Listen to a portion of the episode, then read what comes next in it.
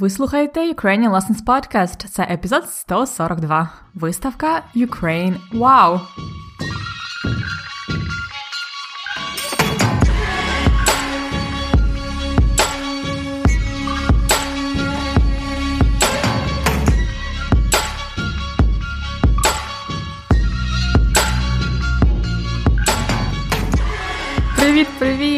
Це Анна, і після невеличкої перерви ви знову слухаєте подкаст Ukrainian Lessons.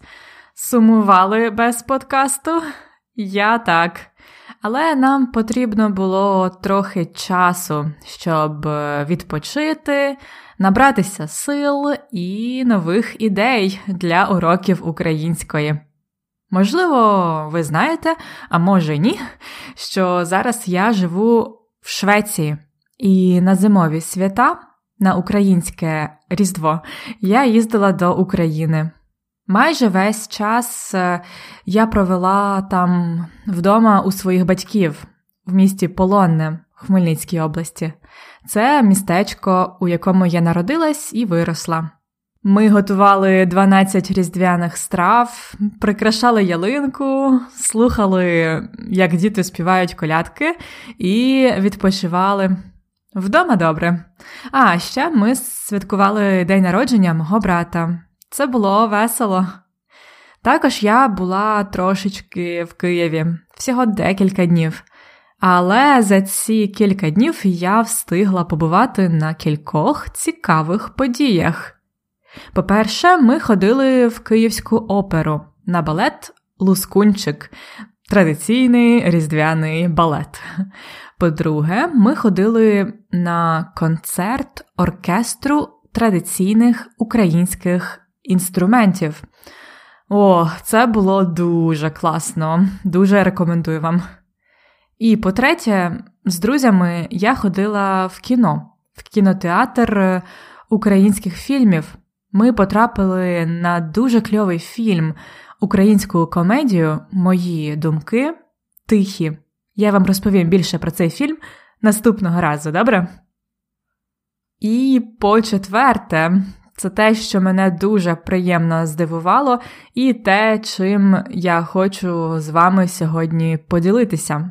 Це виставка Ukraine Wow на залізничному вокзалі в Києві.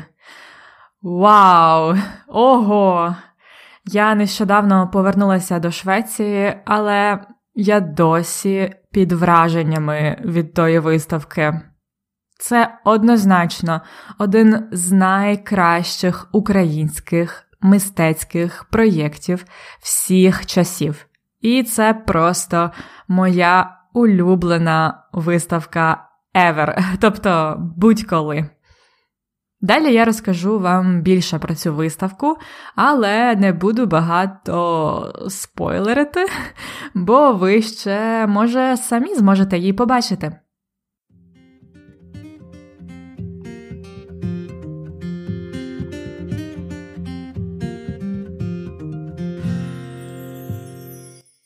Ukraine Wow – це на сьогодні наймасштабніша і найвідвідуваніша виставка України.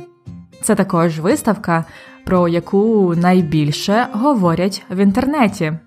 За півтора місяці її відвідали понад 150 тисяч людей, і про неї написали близько 20 тисяч е, разів в сторіс і в постах в інстаграмі.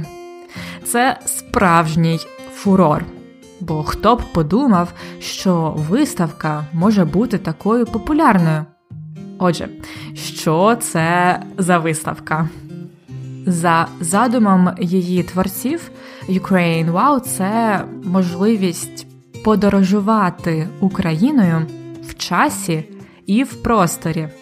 За словами організаторів, це унікальні експонати та інсталяції, які змусять вас закохатись в Україну і сказати: Вау, яка вона неймовірна! і це можуть сказати як іноземці, так і українці, бо багато чого на виставці є новою інформацією для українців, навіть для мене. Виставка знаходиться на центральному залізничному вокзалі в Києві. Взагалі, спочатку її планували як виставку про залізницю, про поїзди і подорожі Україною поїздом. Але потім організатори вирішили через тему залізниці як основний мотив розказати взагалі про Україну. Тому фактично експонати виставки поєднує тема залізниці, але там можна дізнатися взагалі купу цікавого про Україну, про цікаві місця, також про нашу культуру, історію, традиції, цікаві факти.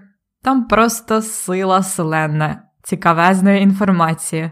І подана вона дуже стильно, яскраво, інтерактивно. Виставка складається з семи блоків, які символізують етапи подорожі поїздом. Це купе, перше знайомство, бесіда по душам, сон, зупинка, здача купе та прибуття. Ну і як я зазначила раніше, там є різні інсталяції про різні аспекти. Багато про подорожі. Наприклад, там є вікно поїзда, у якому ви можете побачити вид з поїзда найдовшого в Україні маршруту. Це поїзд Лисичанськ-Ужгород. Дорога в ньому триває 31 годину. Так от, через таке віконечко, ніби вікно поїзда, ви бачите всю цю дорогу за 10 хвилин. Таким чином, можна простежити, як змінюється ландшафт, природа, архітектура від е, Луганської області і аж до Закарпаття. Тепер і я хочу прокататися на цьому поїзді. До речі, не знаю, чи ви знаєте це про мене, але я фанат поїздів. Я обожнюю їздити поїздами. І особливо люблю Укрзалізницю, купейні вагони, нічні поїзди. Ах, це просто моя любов. Тому ця виставка для мене була такою особливою. Я там мало не плакала.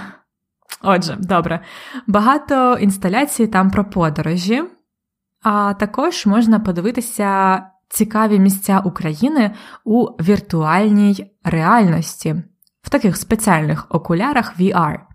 Наприклад, у Києві є такий найвищий монумент, може, ви чули батьківщина мати, така велика жінка з мечем. Так от, в окулярах віртуальної реальності ви піднімаєтесь на батьківщину мати, а потім навіть вище, в небо, і бачите у віртуальній реальності неймовірний панорамний вид на Київ, Дніпро, мости, але обережно може закрутитися голова. Так само можна політати над Карпатами, над озером Синевир. Також є багато цікавої інформації про культуру. І ще дуже цінні експонати, наприклад, е, автопортрет художника Казимира Малевича, скульптури відомого українського скульптора Олександра Архипенка, прекрасні графічні малюнки Георгія Нарбута, перші гривні ще з часів Київської Русі, і навіть перша надрукована в Україні книга це Апостол Івана Федорова. Я була дуже вражена цим всім. І багато цікавого можна дізнатися також про історію України, про сучасні часи, чим Україна може пишатися. Наприклад, там є стіна, у якій 100 кілограмів бурштину. Бурштин це така цінна корисна копалина. В Рівенській області в Україні є багато бурштину. Словом, не хочу вам спойлерити, тобто псувати вам враження, якщо ви підете на виставку, просто хочу поділитися з вами своїми враженнями і сказати, що якщо ви будете в Україні до 29 лютого 2020 року, обов'язково сходіть на цю виставку. Виставка знаходиться біля 14-ї колії на центральному вокзалі Києва. Тобто просто ідіть на вокзал і шукайте колію номер 14. Там знайдете. Виставка відкрита в усі дні, крім понеділка, з 11 години ранку. Квиток коштує всього 50 гривень, а всі кошти від продажу квитків ідуть на соціальні проєкти Укрзалізниці. Ну і якщо ви не зможете відвідати виставку Ukraine Wow, не розчаровуйтесь. Просто коли одного дня приїдете в Україну, купіть собі квиток на поїзд, на будь-який поїзд. Насолоджуйтесь Україною з вікна поїзда.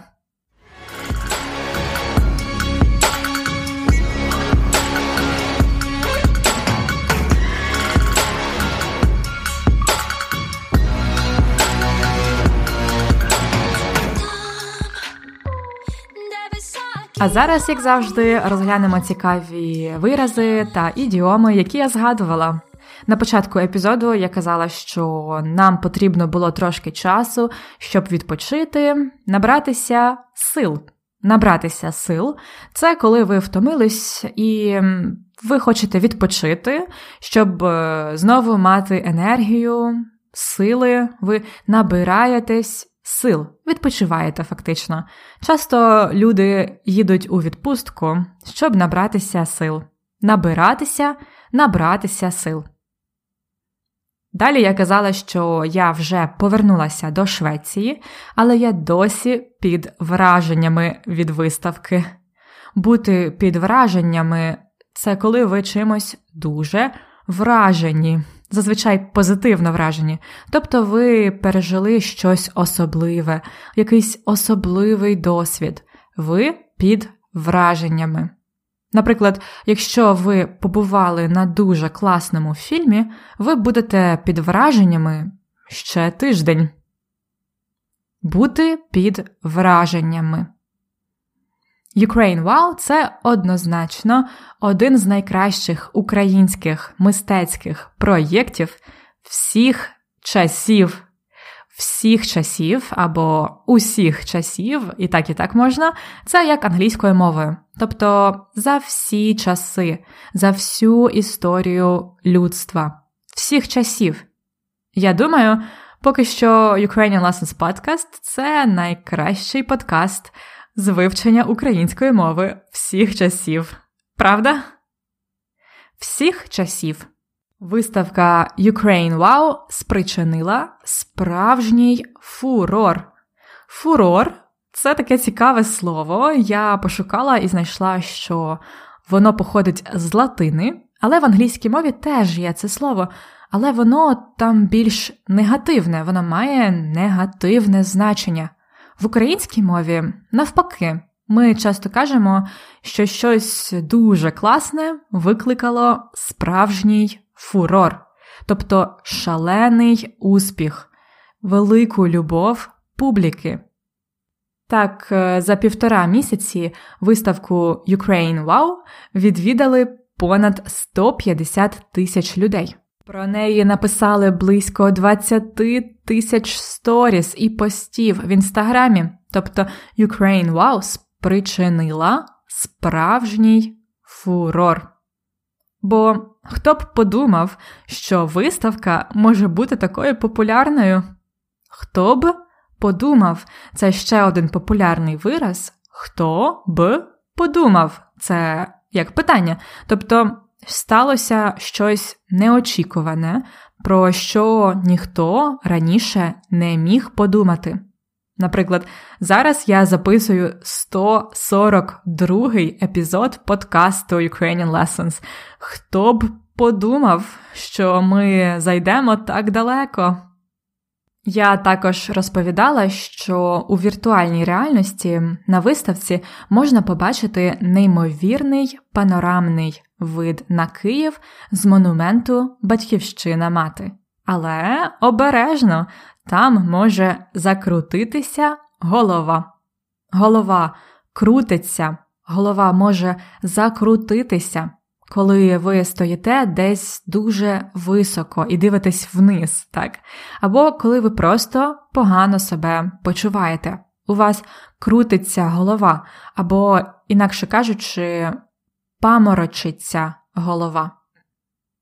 Інколи буває, коли ви довго лежали, а тоді так різко, дуже швидко встали на ноги, у вас крутиться голова. Це ще називають запаморочення. І ще одна цікава експозиція на виставці це 100 кілограмів бурштину. Бурштин це така цінна, корисна копалина. Корисні копалини це певні цінні мінерали. Такі мінерали, які викопують землі, і люди використовують їх е, в господарстві для чогось так. Наприклад, е, бурштин, граніт, мармур, пісок це корисні копалини. Зверніть увагу, що наголос у слові корисний зазвичай на «и» корисний, але тільки в словосполученні корисна копалина ми маємо наголос на О. Корисні копалини. Україна дуже багата на корисні копалини.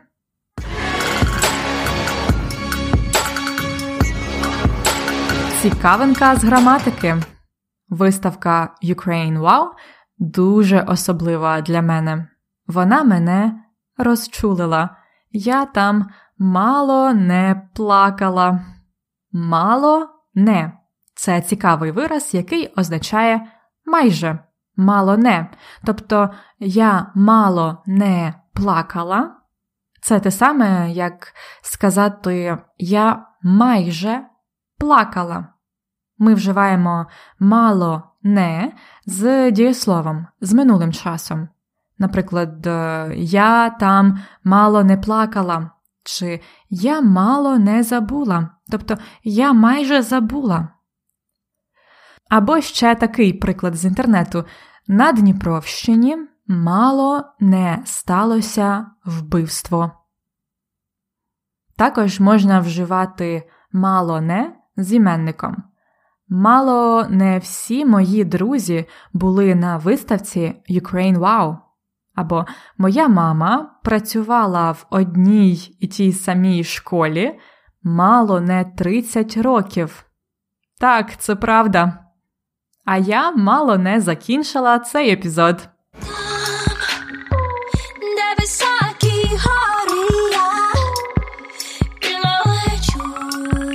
І на сьогодні все. Нагадую вам, що виставка Ukraine Wow триває до кінця лютого на київському вокзалі. Можливо, пізніше вона буде в інших містах чи країнах. Я не знаю. Просто загугліть Ukraine, вау, і дізнайтеся більше. Але я вам дуже дуже рекомендую цю виставку, і це не реклама. Ну і якщо ви ще цього не зробили, дізнайтеся більше про нашу преміум підписку, щоб отримати конспекти уроків е, з повним транскриптом, перекладом складних слів, табличками з ідіомами і граматикою, а також вправами для практики. Більше про преміум та посилання на виставку в Києві шукайте на ukrainianlessons.com риска епізод 142 ukrainianlessons.com slash episode 142. Я бажаю вам гарного дня чи вечора. До наступного епізоду. На все добре!